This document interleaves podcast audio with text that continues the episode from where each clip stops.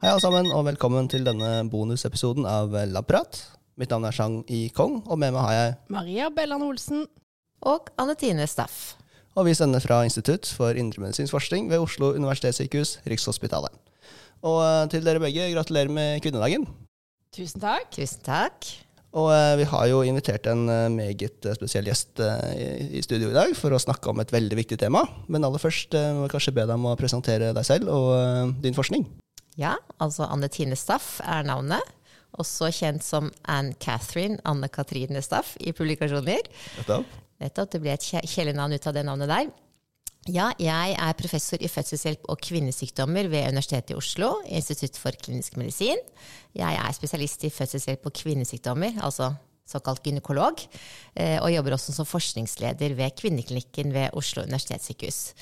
Og jeg leder en forskningsgruppe som jobber på mange felter innen kvinnehelse, men mitt egne prosjekter er spesielt rettet mot da langtidskomplikasjoner etter svangerskapskomplikasjoner. Da på kvinnehelsesiden. Mm. Og Anne Tine er vel eh, sjefen din nå, Maria? Stemmer ikke det? Jo, det stemmer. Ja. Jeg har begynt å jobbe i Anne Tine sitt eh, prosjekt.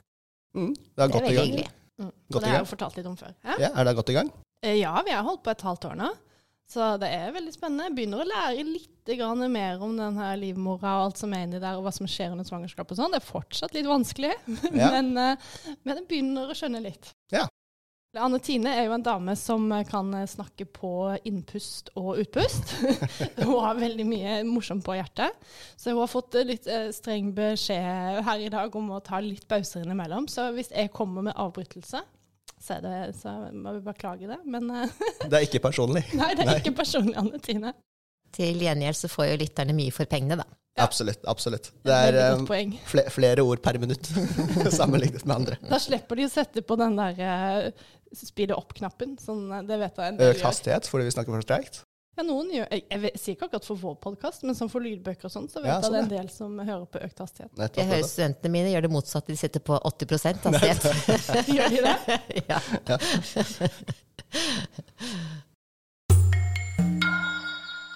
Den våkne lytter har vel kanskje skjønt at uh, temaet i dag blir uh, kvinnehelse. Uh, vi skal snakke litt om forskning av kvinnehelse sånn historisk, og hvilke problemer vi drar med oss gjennom eh, historien.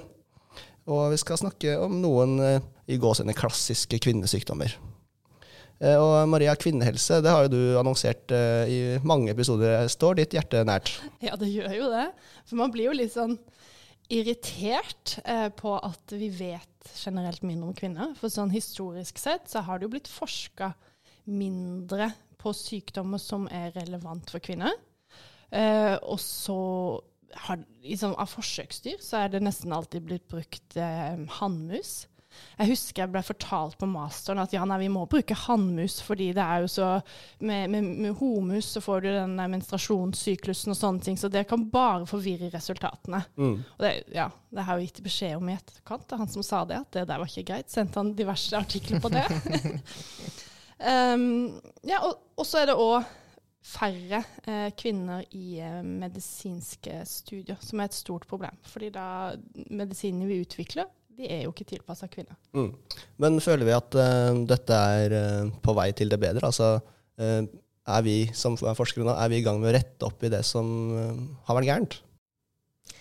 Ja, i hvert fall er det mye større bevissthet på det. Mm. Blant annet så er det jo et krav nå at man skal argumentere i Norge når man skal gjennomføre en klinisk studie, med hvorfor man i så fall ikke har med begge kjønn i forskning. Og det gjelder også hvorfor man ikke har med menn når man forsker på kvinner. Så man må argumentere eh, for eh, bruken av eh, kjønn. Så har vi da fått en ny dimensjon med det subjektive, eh, selvbestemte kjønn også, eh, som selvfølgelig gjør det enda vanskeligere, fordi ofte snakker vi om det kjønnet man er født med, definert med rent genetisk, som jo jeg forsker på, med å være født som kvinne som da føder barn osv. Men da har vi en ny dimensjon at noen gjør kjønnskorrigerende behandling ut fra kjønnsdysfori eller bruker eh, kjønnshormoner, og det er klart at den gruppen selv om den kanskje er liten, føler seg nok enda mer eh, diskriminert enn da kvinner har gjort. Men i dag er det først og fremst vi snakker om kvinne, kvinnedagen, og da vil jeg si at den, jeg er helt enig med Maria. Det har vært eh, altfor lite forskning, selvfølgelig. Man har forsket på eh, sykdommer der kvinner også har en stor sykelig dødelighet, sånn som hjerte-karsykdommer. Det har vært før liksom vært mannesykdommen, og man kjenner godt til menns symptomer. Men typisk da så har kvinnene ofte andre symptomer som underkjennes, og at de da kanskje har en høyere dødelighet enn menn fordi man ikke er blitt anerkjent engang å ha symptomer på sykdommen som det skal mm. behandles for. Så det er opplagt, som Maria sier, at du kan ikke forske bare på hanndyr eh, når du skal behandle kvinner, som er da minst halvparten av verdens befolkning. Mm. Ja, bare I forhold til det der, du, du, det pain fact-studiet ditt, da, ja. så er det jo Man finner jo mer og mer at smertesystemet er jo annerledes hos uh, kvinner og menn. Og da er det jo ganske åpenbart at hvis du bare bruker hannmus mm. når du skal utvikle legemidler mot smerte, ja. at det ikke funker kanskje like bra på kvinner. Nei, det er som du sier, Maria. Det er jo vist også i musemodeller at det er forskjeller mellom hannmus og hunnmus når det kommer til smertefølsomhet.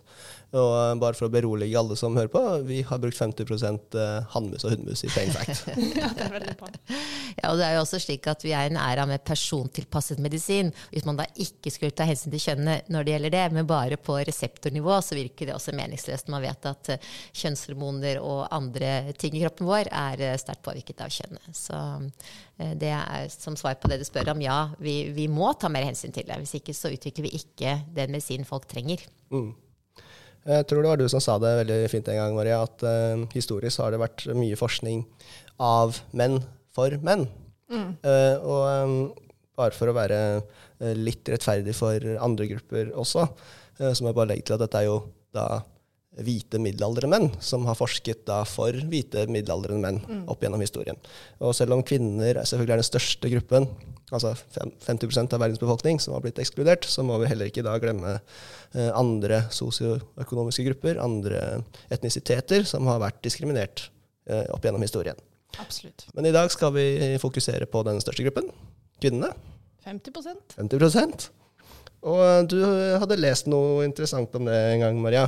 Ja, ja, ja jeg, det sa til deg. Jeg hadde lest noe om fatigue. Det var et stykke som sto om fatigue.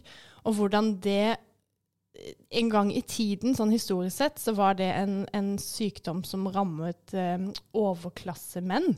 Eller ja, de, eh, de aristokrater, eller hva det heter. de, de, de, sånne britiske lorder og alt. Mm. Og da var årsaken var jo samfunnet, og hvordan samfunnet var i gal, eh, altså endra seg i gal retning. Mens etter hvert så var det sånn Nei, da var dette en sykdom som ramma kvinner. Og da var jo årsaken selvfølgelig psykisk. Mm.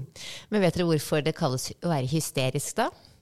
Eh, ja, for det, det greske ordet for livmor. Ja, Man er full av livmor, og det er det ja. bare damer som kan bli, tydeligvis.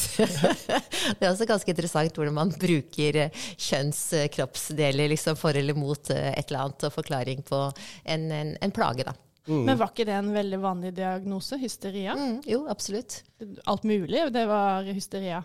Ja, mm. Og hvem kunne ikke rammes av det hvis ikke du fikk lov til å utvikle talentet til evnen din og måtte kle deg til ball hver dag? Men når man hadde da for mye livmor, da, mm. hva, hva, var uh, hva var behandlingen for det? Dette er sånn freudiansk eh, tankegang som jeg tror ikke jeg skal gå inn på, det er langt utenfor min kompetanse. Men det gikk jo på at uh, det var kvinnelige uh, ting og tang som gjorde at du fikk de symptomene du hadde, da. Mm. Og forklart ut fra en kroppslig organ, mm. livmor. Fordi man ikke hadde en forklaring. Så det å finne eh, forklaringsmodeller som er helt eh, langt ute på viddene, eh, når man ikke forstår sammenheng mellom ting, det er vel ganske skummelt, rett og slett. Mm. Og det har man kanskje gjort, at man har brukt den kvinnelige eh, ja, kropp eller organer som forklaring på noe man ikke skjønner hva er. Mm. Uh, Istedenfor å si at dette skjønner vi ikke, la oss forske mer på å finne ut av det. Ja. det er det ikke det vi skal. Vi skal gjøre verden bedre ved å forske og finne ut mer. Mm.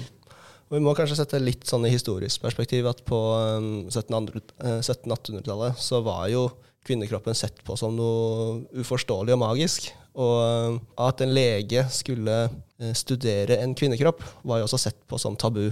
Nettopp. Eh, skulle ikke se den naken. Mm. Nei. Og det, det, er klart at hvis ikke en lege kan se hele kroppen vedkommende skal diagnostisere, så har man jo et eh, problem. Eller utgangspunktet er jo ikke så godt, kan man jo si. Absolutt, og vi må ikke glemme den rivende utviklingen som har vært også sånn medisinsk, f.eks. keisersnitt. Det første ble utført for å skille den døde barnet og mor i graven, slik at de skulle begrave seg for seg, ikke for å redde barnet. Eh, sånn at eh, det har gått der, I dag har vi antibiotika, vi har eh, sutureringsmateriell, vi har anestesi. Vi har en helt annen hjelpemiddel når vi da finner ut at barnet ikke har det bra. Og nå gjør vi keisersnitt for å redde mor og barn, ikke for å begrave dem. Hver for seg. Ja.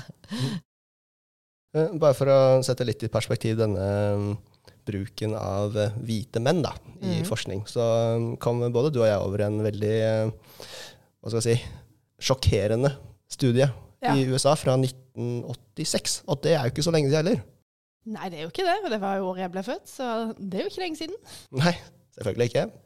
Det var jo en studie utført av New York Citys Rockefeller University i 1986, der de skulle studere da sammenhengen mellom fedme og risiko for å utvikle da brystkreft og livmorkreft. Og i denne studien så var det ingen kvinnelige Deltakere. Men da må jeg kanskje legge til at faktisk 1% av brystkreftpasienter er menn. Ja, for, for menn har også eh, brystkreft. Men hvor de fikk livmoren fra, må jeg si at jeg, den artikkelen vil jeg gjerne lese. Men, men, men eh, sånn historisk så har vi jo kommet ganske langt, da. Fra 1986. Hvis det her var eh, normen. Ja, det, det kan vi jo si. Ja, så det kan vi jo være glad for. Absolutt. Tror du du hadde fått vanskeligheter med å finansiere en sånn studie i dag hvis du ikke hadde tatt med kjønnsaspektet også på deltakerne? Mm. Absolutt. Mm. Men en annen sykdom som har Det har vært mye i mediene, og det har kommet frem mye mer i de siste årene, syns jeg. Det, og, ja, som jeg òg har visst ganske lite om. Endometriose. Det er en sykdom du kan litt om det også, Antine? Ja, alle gynekologer burde kunne ganske mye om det, eh, og også allmennleger. Eh, dessverre har altfor mange kvinner fått vite om det altfor sent. Det har gått med plager lenge som folk har sagt kanskje at ja, det er bare sånn, du må vente, sånn er livet å være kvinne. Eh, og det er rett og slett at man da menstruerer, man har celler som menstruerer utenfor livmorhulen.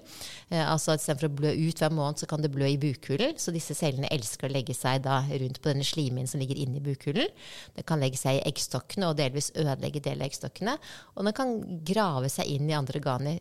Så det å ha en metriose er et slags vev som kan vokse nesten som kreftceller. Det respekterer ikke andre organgrenser. Kan gå inn i blæren, den kan gå inn i endetarmen. Eh, Man kan få store smerter under eh, dype støt under samleie, for det ligger ofte disse knutene med en metriose bak livmortappen. Eh, Noen kan til og med få eh, blod i urin og blod i avføringen. Andre kan få hosteoppblod, opp blod, og dette kan også skyldes endometriose. Det er de mest avanserte formene. De vanligste er en mer beskjeden utbredelse i bukhulen. Men så er det ikke slik at symptomene alltid henger sammen med utbredelse av sykdommen. Eh, Noen kvinner opplever problemer med å bli gravide, altså infertilitet. Og vi vet ikke alltid helt årsaken til det hvis egglederne er fine og hele og ikke det er noen sammenvoksninger. Men det er rett og slett et miljø i bukhulen da, som er, lager mange sånne signalstoffer som virker betennelsesaktige, altså cytokiner, som kanskje gjør at man får redusert fertilitet. Altså det er ikke så bra for eggcellen og sædcellen å smelte sammen i en sånt miljø. Så jeg er veldig glad for at det har fått mer oppmerksomhet med mer forskning. eh, At kvinner da kan få hjelp tidligere, først og fremst. Vi har ikke så veldig mye eh, endelig behandlingshjelp for disse kvinnene per i dag. Det vi gjør, er først og fremst å må, vi må operere med laparoskopi for å få endelig diagnose. Vi må ta en prøve av disse lesjonene, altså disse endringene, for jeg er sikker på at det er en metriose. Og de kan være sånn blåaktig eller hvitaktig, gamle arrforandringer, kan se veldig forskjellige ut. Og så eh, vil vi da gi råd til kvinnen om hvordan best behandle plagene. Og det enkleste er rett og slett å kvitte seg med menstruasjonen, fordi da får man også mindre forandring i bukhulen f.eks. Eh, og det er da ved f.eks. å gi kontinuerlig p-piller eller hormonspiral, som hjelper veldig mange veldig godt. Og så er det da, prøver vi da å få bort kirurgiske lesjoner der det er nødvendig. Og så er det noen som må ha større operasjoner, sånn som fjerne deler av tarmen som kanskje er eh, veldig trang pga. store forandringer i veggen. Men det er altså sjelden. Men det er viktig at disse kvinnene får god hjelp. Kan, kan, kan man tenke seg at mange av de som hadde, ble diagnostisert med hysteria, kanskje hadde endometriose?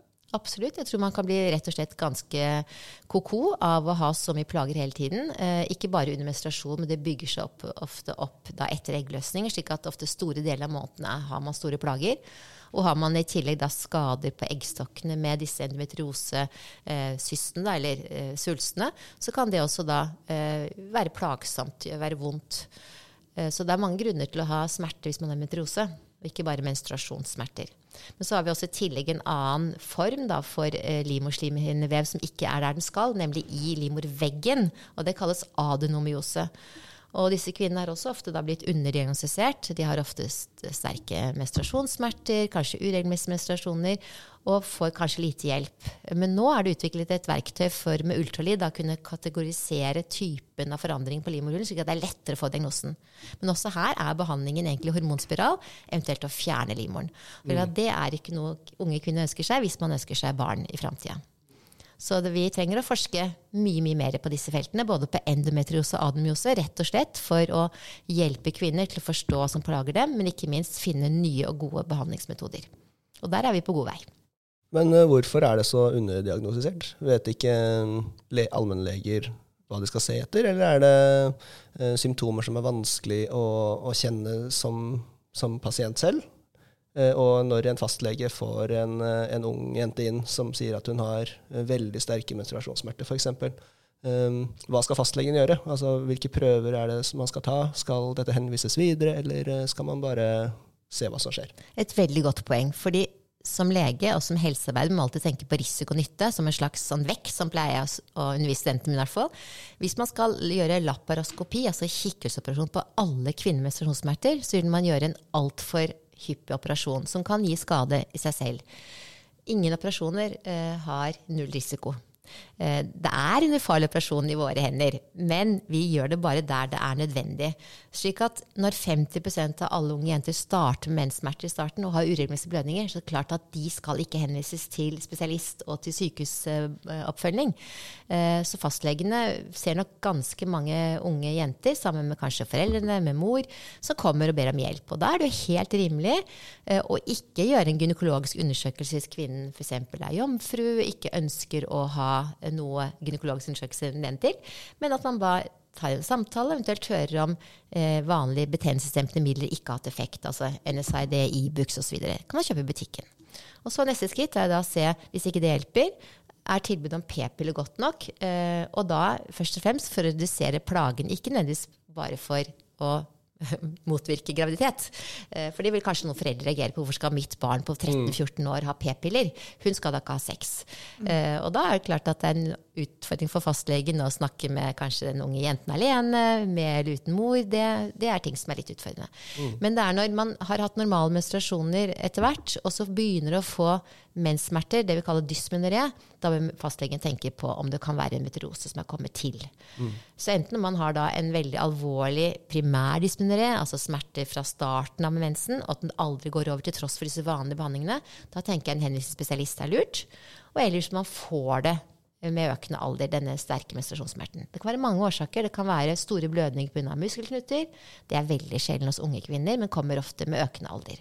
Så fastlegen har en veldig viktig jobb. Og husk på, fastlegen behandler jo eh, alle aldre, alle kjønn. Eh, og har utrolig mange sykdommer å tenke på. Så vi skal ikke klandre fastlegene. Vi skal heller tenke på at vi alle i hele samfunnet bør tenke litt videre når vi eh, har en eh, vi kjenner som kanskje har plager, men ikke alltid avvise med at det er psykisk og ja, ja, det å være kvinne er slik. Mm. Det å være kvinne er så mangt, og det å ha smerter og plager viser seg ofte kan man gjøre noen ting med. Jeg tenkte å nevne én sykdom til som, eh, som, jeg husker så godt at jeg hissa meg oppover. For jeg, jo, jeg, er jo en litt sånn følelsesstyrt dame, så jeg jo, kan jo hisse meg opp litt. Ja. Men da kom jeg inn på laben til dere, og så hadde jeg da, for da hadde jeg lest uh, om uh, lipødem. Og det ja. var jo en sykdom jeg ikke visste om fra før. Og det er jo da altså sånn at du kan legge kraftig på deg rundt bena, uh, men ikke um, ofte ikke andre steder på kroppen. Og så er det veldig godt å kjennetegne med at sånn, anklene dine fortsatt eh, er slanke. Men eh, det er jo da Det her kan ramme, det rammer ganske mange kvinner. Og det fins eh, egentlig ikke noe god behandling. Man kan vel opereres, men det er vel heller ikke fullgod behandling. Og det grunnen til at jeg var så sint, var at jeg hadde gått inn på PubMed for å finne ut ok, men hva er det her. Jeg ville jo vite mekanismene, vite og hvorfor blir man syk. Og det var fanken meg ikke en artikkel altså, Det var noen artikler, men det var ingen gode artikler som hadde gått inn og studert mekanismene. Det var én som hadde noe immunohistokjemi, hvor de hadde farga et og annet, men det var det. Mm. Og da ble jeg så sint. Men kan jeg bare legge til at eh, PubMed, for de som ikke vet det, er da en eh, sånn database vi bruker når vi skal lete etter vitenskapelige artikler. Ja. Men lipødem, eh, er det, det er feil fettansamling? Altså, er det, er det det der? Ja, det er det. Og jeg må si at på, jeg kan ikke huske at jeg lærte om lipødem eh, på medisinsk eh, studiet mitt for eh, noen år siden. men, men, vi er blitt også økende oppmerksom på det, og det skyldes også at det er flinke pressgrupper som sier hør her, dette er et problem, la oss få hjelp. Jeg tror de, mange av disse kvinnene med lipødem er blitt avvist med at dere er for overvektige, må bare slanke dere. Nå er riktignok eh, Eh, slanking er for så vidt eh, anbefalt hvis man, er, hvis man, er, veldig tung, av mange grunner. Men, men, det er ikke nok til å bli kvitt plagene. Eh, at man legger på seg på områder som, som er liksom veldig annerledes. Da. Det er kanskje blitt eh, forklart med at ja, det er der kvinner legger på seg, men det har ikke vært reelt da, for disse kvinnene. Så det, vi trenger å vite mye mer. fordi som du sier, kirurgien er ikke optimalisert. Det er kanskje ikke en endelig løsning med støttebandasje, fysioterapi. Det er mange ting her som ikke vet hva som er best for kvinners helse. Mm. Uh, og med alle de plagene medfører da, fordi man kanskje ikke kan bevege seg så mye, uh, vanskelig å finne klær som passer, uh, jobb Det er en, en, sykdom som vi sterkt har undervurdert og underbehandlet, helt sikkert. Og den er også smertefull. Ja, absolutt. Og, og, kan man si hvorfor er vi ikke flinke til å satse på det? det er, da må forskningsgrupper og pressgrupper komme og presse på og si at dette ønsker vi å bidra til og sette fokus på. Det gjør jo en del um, interessegrupper for kvinner. Sanitetskvinner f.eks. har jo satset på dette, som er jo kjempebra. Ja. Men, da, eh, men, jeg tenkte jeg skulle avslutte denne historien da med en liten eh, At ting blir bedre. Ja. Fordi det her var jo Denne, denne episoden var før pandemien. Mm. Så nå her gikk jeg inn på PubMed igjen og sjekka. Og de siste årene så ser du at det er en økning. Det har kommet over 100 nye artikler, og det har òg kommet artikler hvor de har gått litt dypere inn i materien og prøvd å finne ut hva som skjer. Så det var veldig gledelig. Mm, så det går riktig vei, da. Det går det riktig vei. Det er gledelig. Men, men kan jeg spørre, er lipødem rammer det bare kvinner? Godt spørsmål. Jeg har ikke lest meg opp på dette emnet her, så det er jeg litt blank på. Jeg lurer på om jeg har sett en artikkel på at eh, noen menn kan få det. Mm. Det vil jeg, tro, det vil jeg tro. Det er eh, veldig, veldig, rart hvis ikke menn kan få det. Men samtidig så tenker jeg at kvinnelig kjønnshormon er ganske viktig uh, for generasjonen. Men dette her må jeg tydeligvis lese mer om. Det er gøy. Ja. ok. Men Maria, du og jeg vi er jo si, opprinnelig hjerte-kar-folk. Mm -mm. Uh, og um, den viktigste dødsårsaken blant kvinner på verdensbasis, uh, som du også har nevnt innledningsvis, Anne Tine, er jo um, hjerte-kar. Ja, 35% av dødstallene for kvinner er hjerte-karsykdom. Ja. Opptil 50% faktisk, tror jeg noen statistikker viser fra Europa. Mm. Oh, ja. mm. Og bare for å sammenligne dette med, med det jeg kunne finne om uh, dødsfall hos menn i, uh, Jeg lurer på om dette kun er i Amerika. Der tror jeg det er 25 av uh, dødsfall blant menn eh, skyldes hjerte-kar. Oh, ja. Så det er flere kvinner eh, i prosent som, som dør da, av hjerte-karsykdommer. Og noe av det skyldes jo at vi egentlig ikke vet alle symptomene kvinner har ved enkelte hjerte-kar-lidelser. Noe som er helt sprøtt å tenke på, egentlig. Mm. Men Maria, du hadde jo lest opp litt på forskjellene på, på det. Ja, eller for den typiske Altså menn kan også ha forskjellige symptomer på hvis vi kan ta eksempelet hjerteinfarkt, da. Men det, det, det, klassiske er jo at du får vondt i brystet og ned i armen.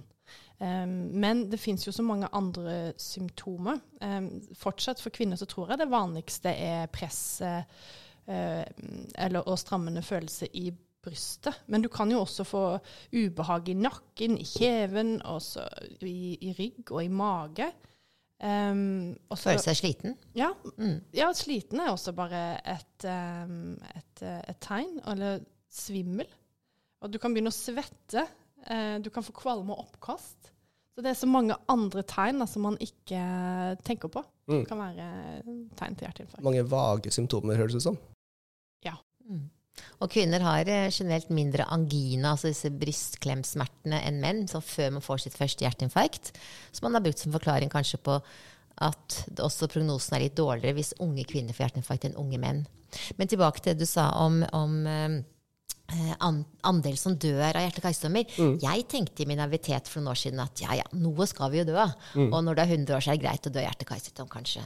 Men så viser det at den største sykdomsgruppen som tar flest år av livet til kvinner, er faktisk ikke brystkreft, som jeg trodde, men det er hjerte- og karsykdom. Mm. Så én ting er at man mange dør av det, men det tar også mange år av livet. Og i tillegg så tar det mye funksjon ut av livet, slik at f.eks. mange kvinner, eldre kvinner får slag. Og det vil jo på en måte prege de siste årene deres liv, som kanskje kunne vært friske hvis de ikke fikk slag. Mm.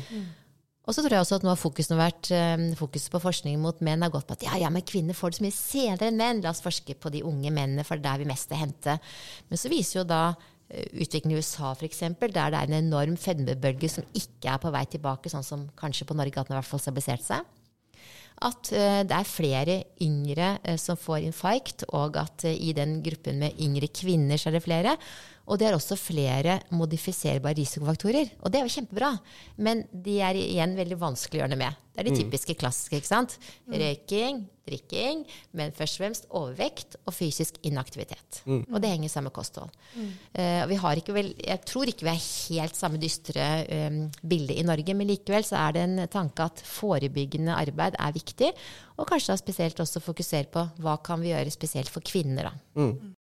Det er veldig interessant det du sier, Antine. For um, Lancet, et veldig anerkjent uh, tidsskrift som vi også har nevnt uh, tidligere, uh, de lanserte vel at isolert sett så er det å bedre kvinnes kvinnehelse innenfor hjertekar er isolert sett det, den raskeste veien til å bedre da verdens helse sånn generelt. For kvinner. For kvinner. Mm.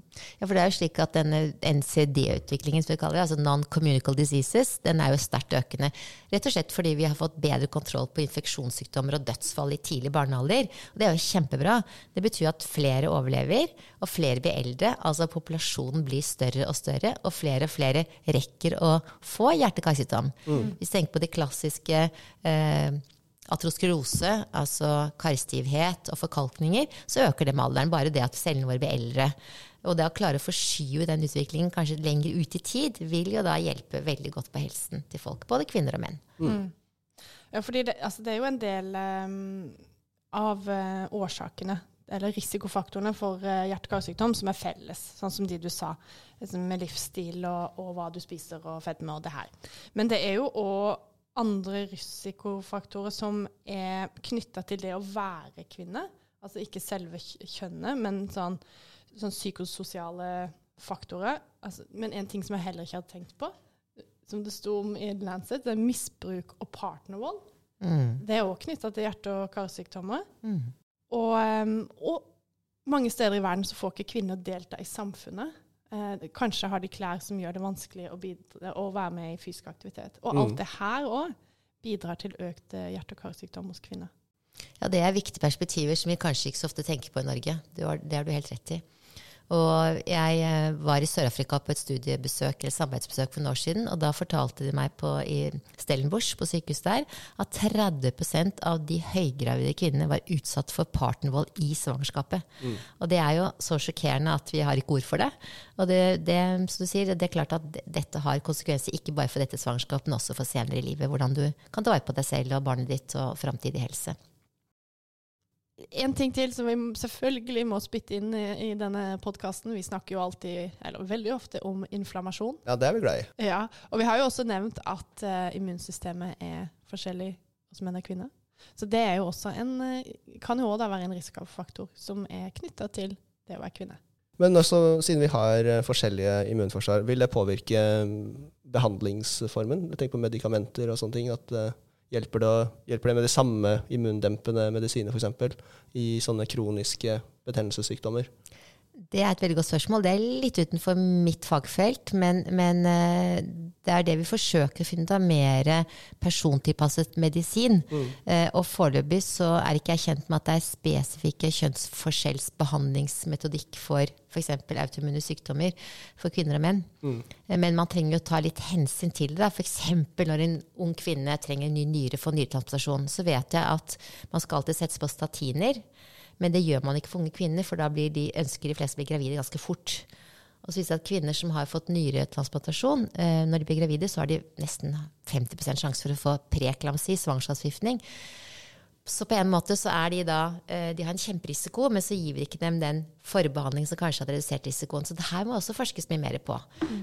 Vi gir dem altså tilsalsylsyre, altså albyl-E eller laudose, for å forebygge tidlig preeklamsi, tidlig morkakesvikt, men det er altså ikke nok eh, til å forebygge den risikoen. Så kvinner med autoimmune sykdommer som blir gravide, har et risiko for en del svangerskapskomplikasjoner, som har både med plassenteringen å gjøre, hvordan morkaken anlegges, eh, og hvordan morkaken fungerer og svangerskapet utvikler seg. Også pga. inflammasjon. Mm. Hele svangerskapet er en inflammasjon, Ja, rett og slett. Vi skrev jo en eh, review for en stund siden hvor vi gikk gjennom eh, det var behandling som gikk på inflammasome eh, i Mm. forhold til eh, hjerte- og karsykdom. Og der var det slående. Det var ingen av de eh, medisinske studiene som eh, kun, hadde nok kvinner da, til å si noe om effekten i kvinner og menn. Nettopp. Så det, det var jo, kommenterte vi jo også i revyen på slutten at eh, for det har vært studier som viser at inflammasomer reguleres ulikt i kvinner og menn. Og da tenker jeg at da er det jo veldig viktig når du gjør medisinske studier, at du faktisk kan si har, dette, har det ulik virkning. Mm. Absolutt, og derfor så må man også begrunne styrkeberegning for kjønnsspesifikke analyser ikke sant, når man planlegger en studie. Men tilbake til denne studien fra USA som viste økende forekomst av hjerteinfarkt hos yngre mennesker, eh, så var det også slik at det ble klart der også ble påvist at kvinnene i mindre grad enn menn ble tilbudt og fulgte opp med guidelines, altså retningslinjer for behandling. Og det kan si sitter i hodet til kvinnene eller sitter i hodet til eh, deres behandlere. Det, det vet vi jo ikke. Men det er slående at det er en eh, Selv der vi ikke har kjønnsspesifikk behandlingstilbud, så følger man ikke opp den generelle behandlingstilbudet heller hos kvinner, på samme måte som hos menn. Og det må vi gjøre noe med. Absolutt. Mm.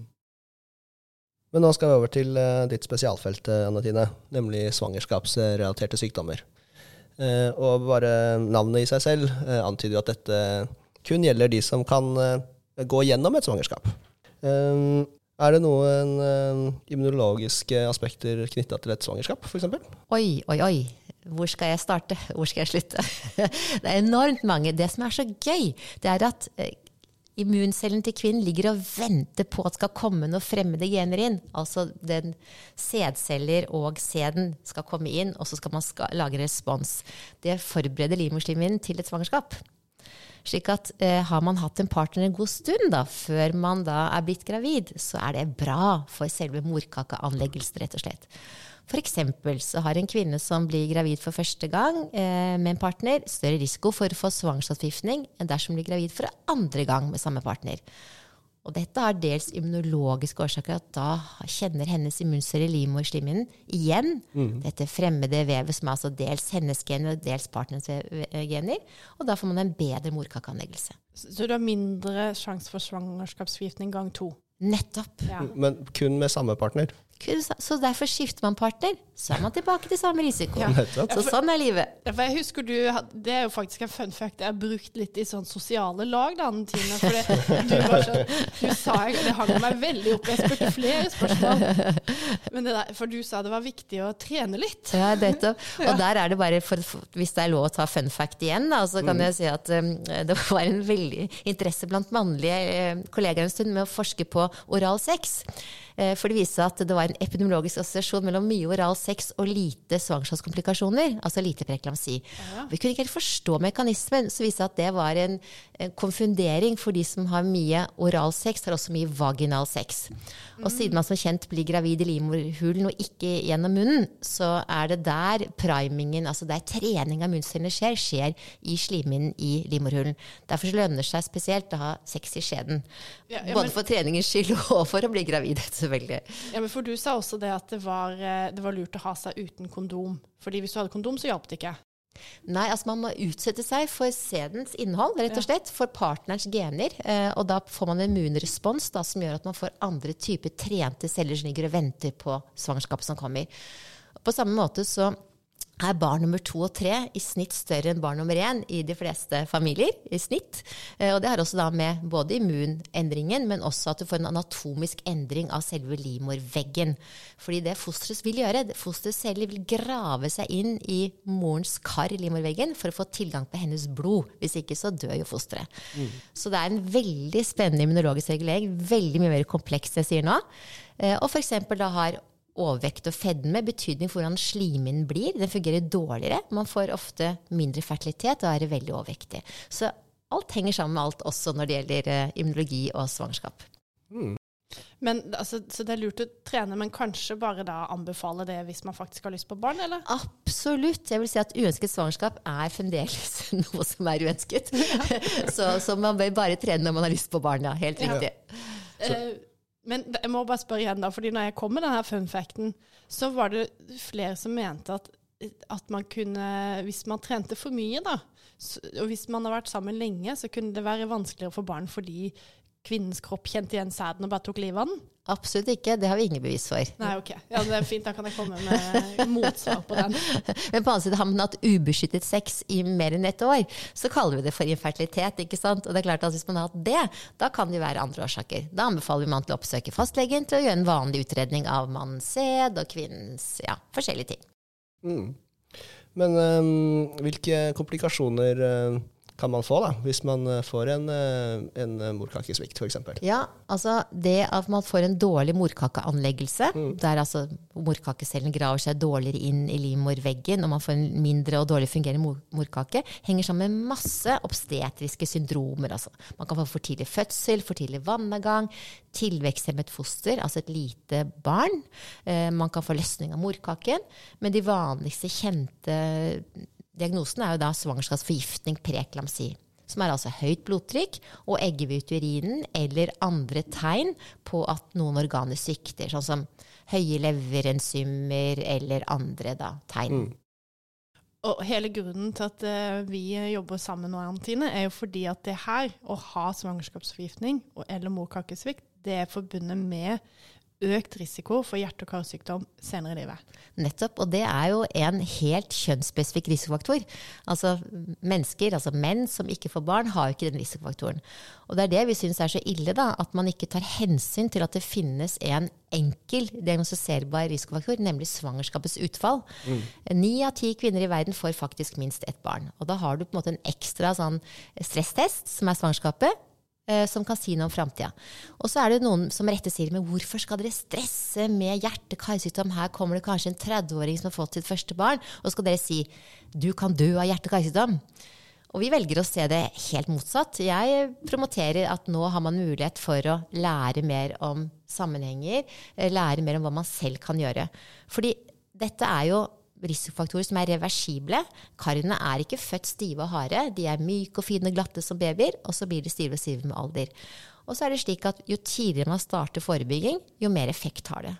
Så disse kvinnene som har hatt disse svangerskapskomplikasjonene, som for tidlig fødsel, tilveksthemmet barn, eh, svangerskapsdiabetes også, eller preklamsi, de har ofte ikke fått vite at det er en sammenheng. Og så får de kanskje sitt første infarkt som 60-, 70-, 80-åring eller en hjerneblodpropp eh, f.eks. Og da er det jo ikke for sent, men noen vil jo dø, og noen vil jo få skade resten av livet. Så vi tenker å bruke dette tidsrommet fra man har født barna sine, eh, og framover til å intensivere oppfølging og forebygging og informasjon.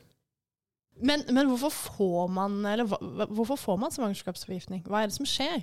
Ja, det er et veldig godt spørsmål. Eh, er, dere snakket om inflammasjon i sted. Det er en kjempeinflammasjon av kvinnens karvegger. Det gjør at hun reagerer på de stoffene som fyker rundt i kroppen og får høyt blodtrykk. Da trekker de glatte muskelcellene seg rundt karveggen seg sammen. Eh, og i tillegg så begynner det å lekke eggehvite av nyrene, fordi der lekker det proteiner, altså eggehvite, ut gjennom nyrene. Mm. Kan, kan, jeg bare få skyte inn at eh, Når Anne Tine sier eggehvite, så mener du proteiner? Jeg gjør det. Ja. Jeg vet at dere labfolkene bruker det riktige ordet, men det er noen lyttere som ikke skjønner hva det er. Har jeg skjønt. Men samtidig så blir man sånn Hvorfor har man eggehvite? Ja, ja, ja. Nei, la oss si proteiner fra her, herved, da. Og preklamsi istedenfor svangerskapsforgiftning, kanskje? Ja, det kan vi også Ja, gjøre. ja. Sånn at eh, preklamsi begynner eh, rett og slett med at en morkake ikke blir helt fullstendig normalt anlagt. Ofte er morkakecellene de klarer ikke å komme så langt inn i veggen som de skal. De kommer ikke så dypt inn. Og da blir blodkarene hos mor, som skal gi blod til morkaken, ofte litt trangere og snodde, slik at det blir sånn trang sirkulasjon inn til morkaken. Ja, det, du forklarte sånn blodet istedenfor at blodet går sånn fint inn til fosteret, så er det sånn Altså dytta inn dette blodet. Nettopp. Så det kommer like mye blod, men det kommer veldig sånn stykkevis og delt. Og det stresser det blodet stresser cellene i morkaketottene. Så de sender ut disse betennelsesstoffene som dere snakket om i sted. Disse inflammasjonsmolekylene. Eh, Vi kjenner navnet på noen av dem, vi kjenner ikke alle. Men de vil gå hen og lage effekter i mors sirkulasjon ellers, og gi henne da tegnene på høyt blodtrykk og proteiner i urinen. Og leversvikt, kanskje. Eh, Og du kan få symptomer overalt i kvinnens kropp der hun har blodkar. Du kan få symptomer i hjernen, du kan få eh, hjerneødem, eh, du kan få eklampsi, som er sånne kjempeskumle svangerskapskramper. Det kan man jo dø av.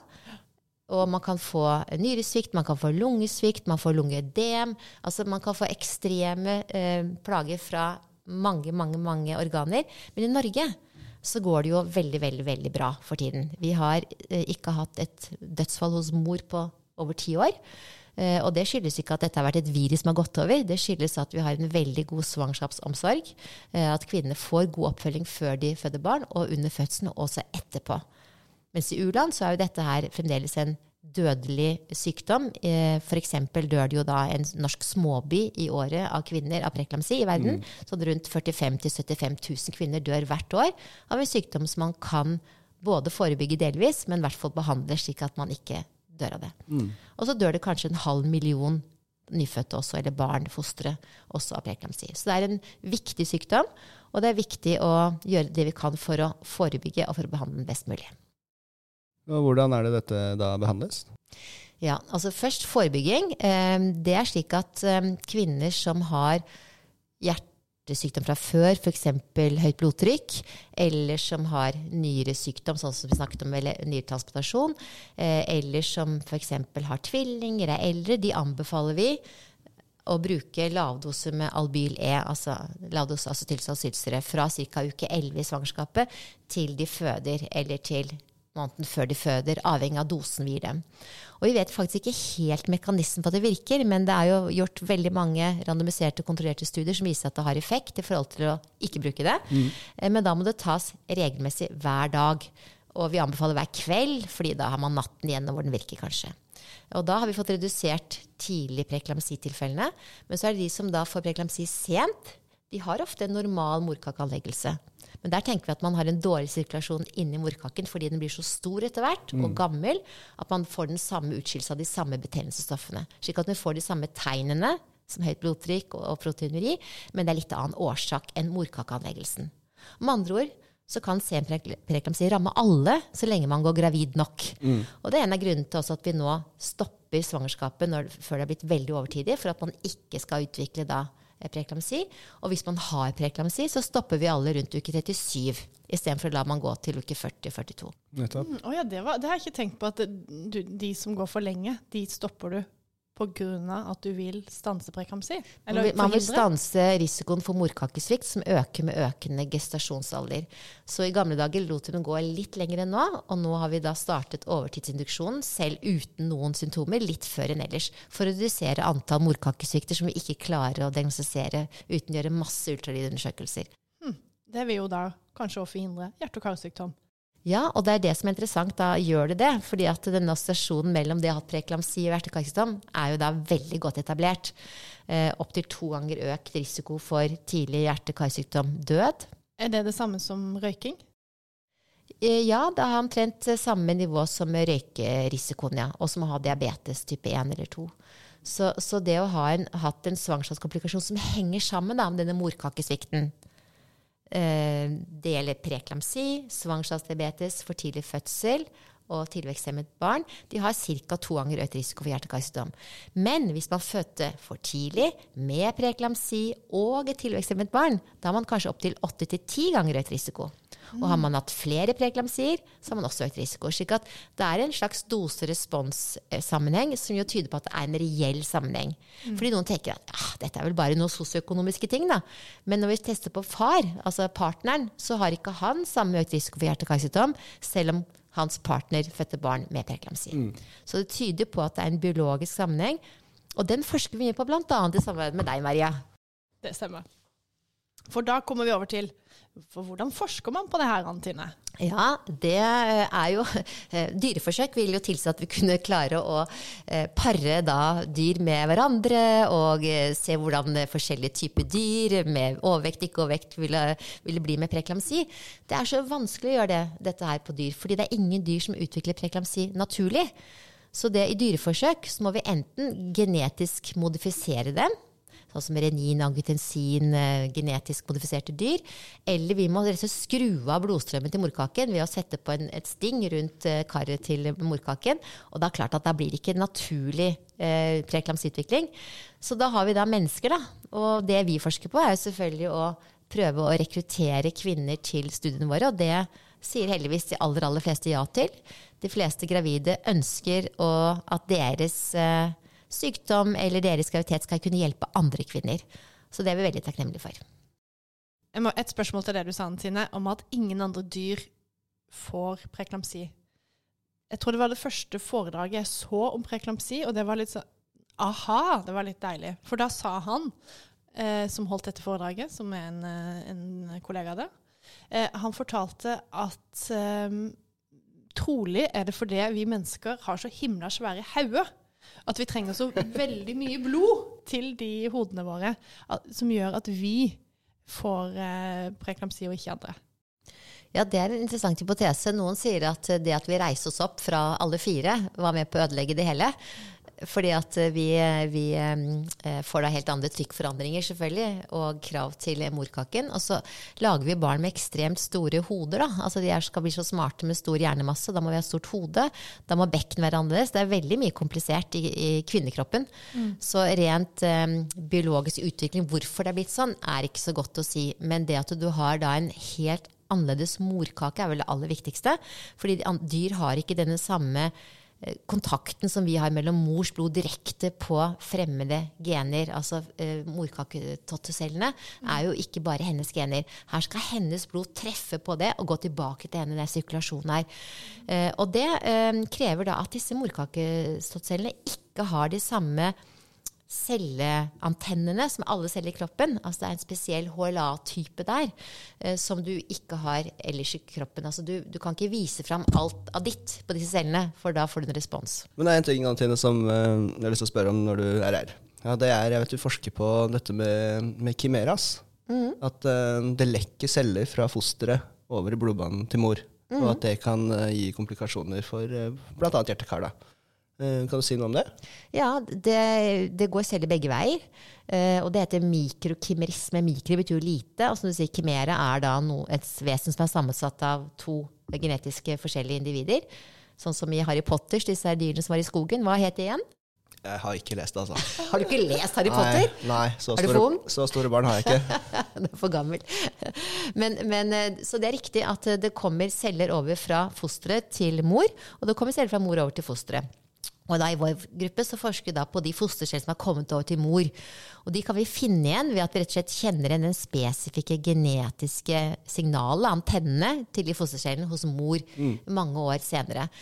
Og det er funnet opp til da generasjoner senere, slik at vi bærer jo i oss da cellene til våre forfedre. Som er jo ganske spooky å tenke på, men mm. også litt hyggelig. Ja. Uh, og at storesøsken som lytter på oss nå, de har da gitt fra seg sine celler til sin mor, som igjen ga den til de mindre søsknene. Slik at uh, man, liksom, søsken har et bånd seg imellom da. Men er det mange celler det er snakk om? Det er ikke mange celler, men vi vet egentlig ikke hvor mange. Altså Mikro betyr jo få. Men dette er jo hele celler. Dette er jo ikke det samme som cellefritt DNA, som fyker rundt masse masse i mors eh, blod når hun er gravid. Fordi mm. de cellefridene blir borte med en gang. Det er det vi bruker for fosterdiagnostikk. Mens dette er faktisk eh, hele celler som har en slags stamcellefunksjon, slik at de kan bli til det organet de kommer til. Så La oss si at et fostercelle kommer seg over til moren sin, og så går inn i hjertet. Og da har man funnet en som en hjertecelle senere. Eh, og så er jo tanken at kanskje går noe inn i benmargen. og kommer tilbake igjen og hjelper til når moren trenger det, f.eks. for, for en sårdannelse eller hjerte-karsykdom. Så på en måte så kan disse cellene være hjelpe henne, men kanskje også være med på å lage sykdom fordi det er fra et annet genetisk uh, individ. Da. Mm. Halvparten er ikke hennes gener, det er faktisk hennes partners gener. Mm. Så dette er veldig komplekst, og vi har ikke svaret. Det er derfor vi forsker på det. Mm. for vår hypotese som var litt sprø, da, som Forskningsrådet likte veldig godt. Det er denne bridge-studien vår da, som Marie er med på. Mm. Det er å, å, rett og slett se er det slik at ved visse morkakesviktsykdommer har du mer i sirkulasjonen enn ikke. Og hvis det ikke er sirkulasjon, kunne tenkes at disse cellene faktisk var da i karveggene. Mm. Så dette er uh, en lang forskningsvei som vi har startet på, og som vi håper å få mye spennende ut av. Mm. Kan jeg spørre et litt sånn spooky spørsmål? -hmm. Uh, hvis vi kan uh, få celler fra, fra mor og, ja. og, fra bestemor osv., ja. osv.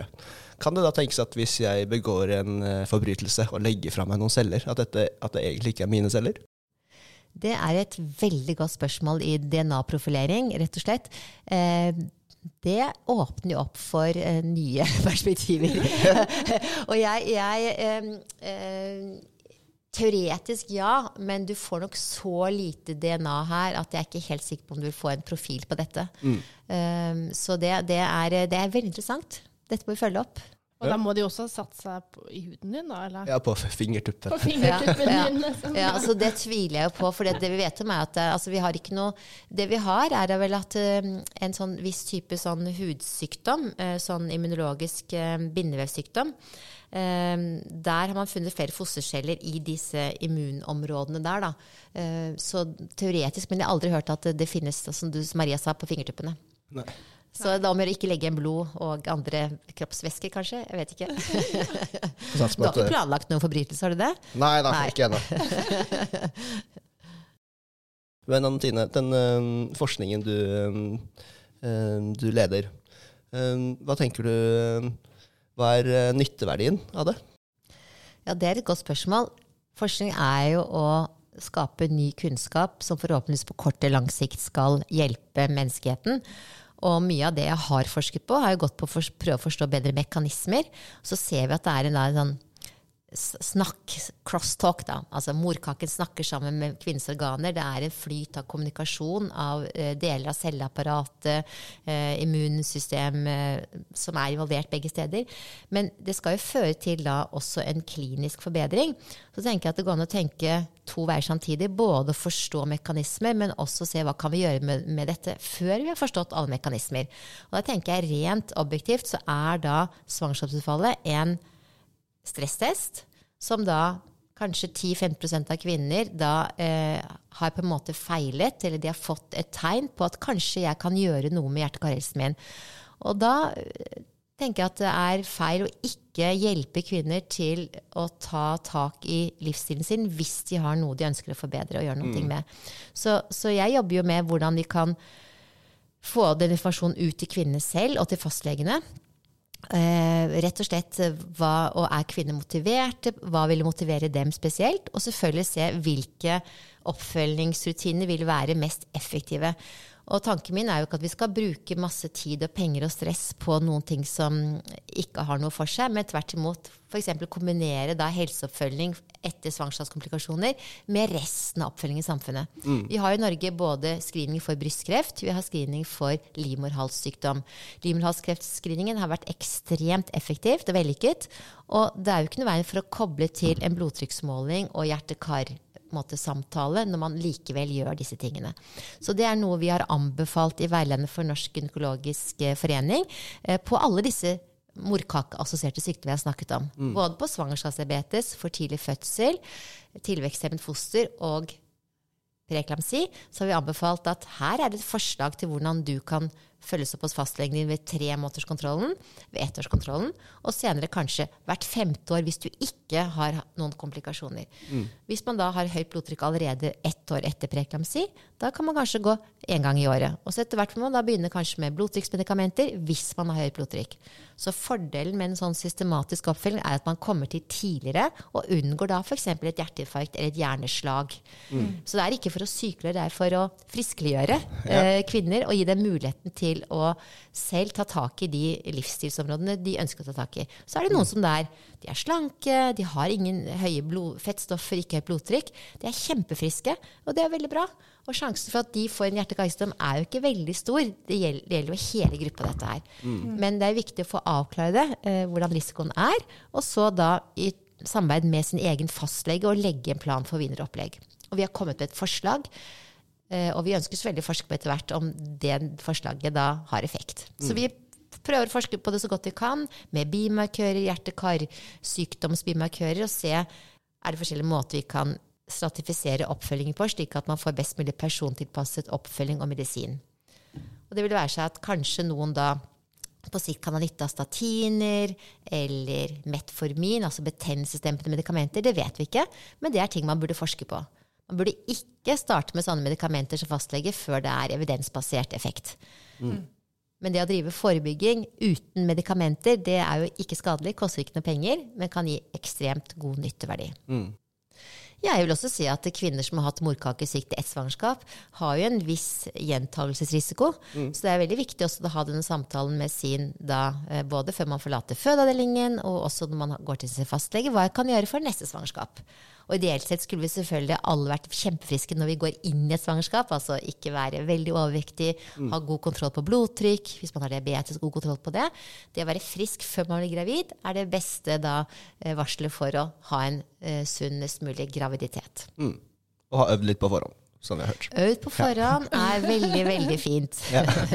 Første nattens svangerskap gir økt risiko for morkakesvikt, rett og slett. Ja, men det, da, så det kan jo forklare hvor, IVF, da.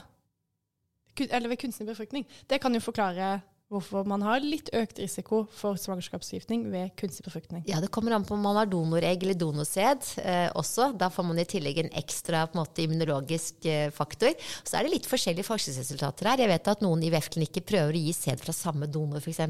Eh, nettopp fordi at man skal opparbeide immunitet. Eh, og så er det også slik at når du har surrogati, da, for å legge til en ekstra komponent, så har du enda en genetisk eh, person i bildet. Og hva tror dere risikoen for preeklamsi er da? Eh, Ganske høy. Enda høyere, ja. så det i seg selv kan jo kanskje også være et nok et argument for at surrogati er komplisert, i hvert fall. Mm. Ja.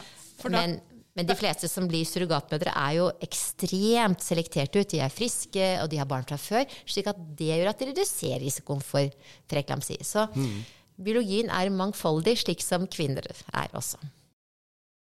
Ja, men Det er det kanskje nå på tide å ta en eureka, Maria. Da lurer jeg på hva du har funnet eh, til oss i dag. Ja, for du skjønner det, Anne-Tine, at jeg pleier alltid å avslutte med en liten eureka, som er da et, et eller annet studie som har, jeg har funnet på nettet, som har vært interessant. Så eh, dagens eureka er jo selvfølgelig relatert til eh, kvinnehelse og mm. fødsler, da. Fordi eh, jeg har jo da tidligere hatt en veldig kort og konsis eureka på historien om oppdagelsen av fluors betydning for tannhelse. Den, den var litt i din ånd, faktisk, Anne, siden den var ganske lang. Så, men i dag så følger jeg opp med en studie som også går på tannhelse, og passende nok kvinnehelse. Og dette studiet det er fra Malawi, hvor raten for for tidlig fødsel har vært veldig høy. Så eh, tidlige undersøkelser har vist at den er på nesten 20% Hva er den her i Norge, Antine? Den er mye, mye lavere. Det var det jeg tenkte. Men det er jo selvfølgelig et stort problem at eh, det fødte barn ikke får utvikla seg ferdig, og at det kommer for tidlig ut i verden.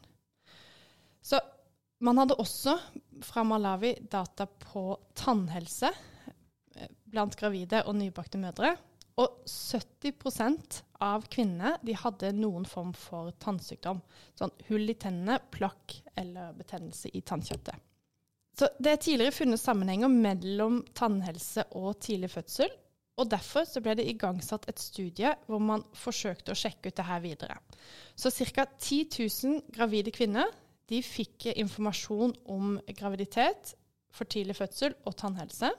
Og så var det en sånn intervensjon i det her studiet. For halvparten de fikk utdelt tyggis, som de skulle da tygge under graviditeten.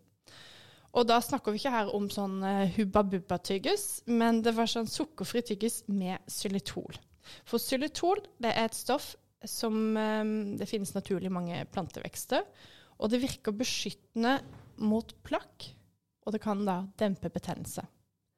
Så tyggis i seg sjøl er jo et veldig enkelt tiltak, men det virka. For gruppen som uh, da tygde tyggis, de endte opp med mindre tannkjøttbetennelse, og det var færre for tidlige fødsler blant de her kvinnene. Yes. Men dette er jo helt i tråd med forskningen i inflammasjon, for de har også økt risiko for preklamsi i den samme gjengen. Har du dårlig tannhelse, så har du økt risiko for det, og det er tatt altså prøver fra sekreter rundt disse lommene rundt disse litt dårlige tennene, og da finner man mer cytokiner og mer inflammasjonsting som henger sammen med at kvinnen da har en preaktivert karvegg, slik at de stoffene som kommer fra morkaken i alle svangerskap, lettere da øker betennelsen enda mer, slik at hun får høyt blodtrykk og får da eggehvit, protein i urinen. Mm. Og føder for tidlig. Så alt dette henger sammen med alt. Inflammasjon er jo clouet også her. Mm. Så da kanskje kan uh, xylitoltygges hjelpe mot preklapsi også, da? eller? Jeg tror i Norge at vi har ekstremt god tannhelse. At det er veldig veldig få grupper som går inn i svangerskap med dårlig tannhelse. Så dessverre, Maria, ellers hadde det vært en kul ting å introdusere.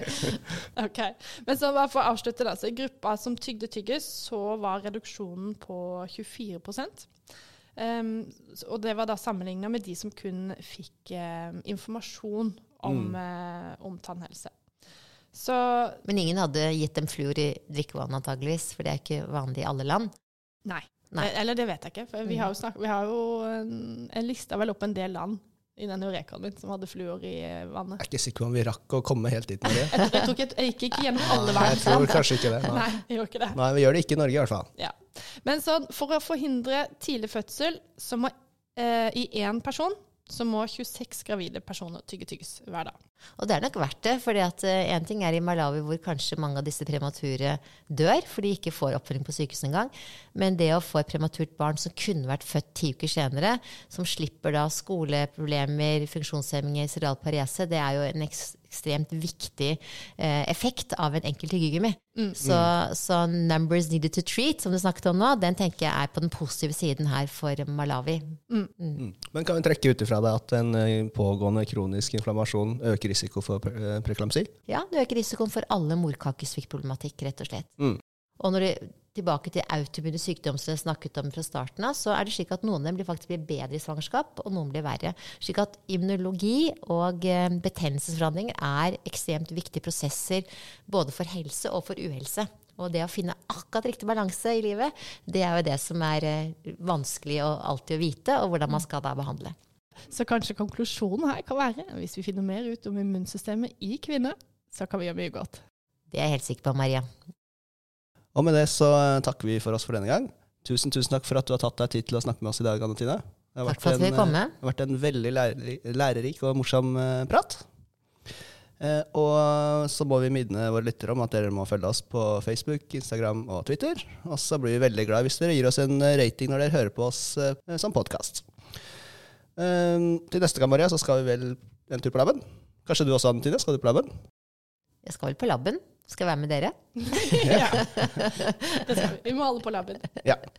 Så da høres vi til neste gang. Det gjør vi. Ha det godt. Ha det bra.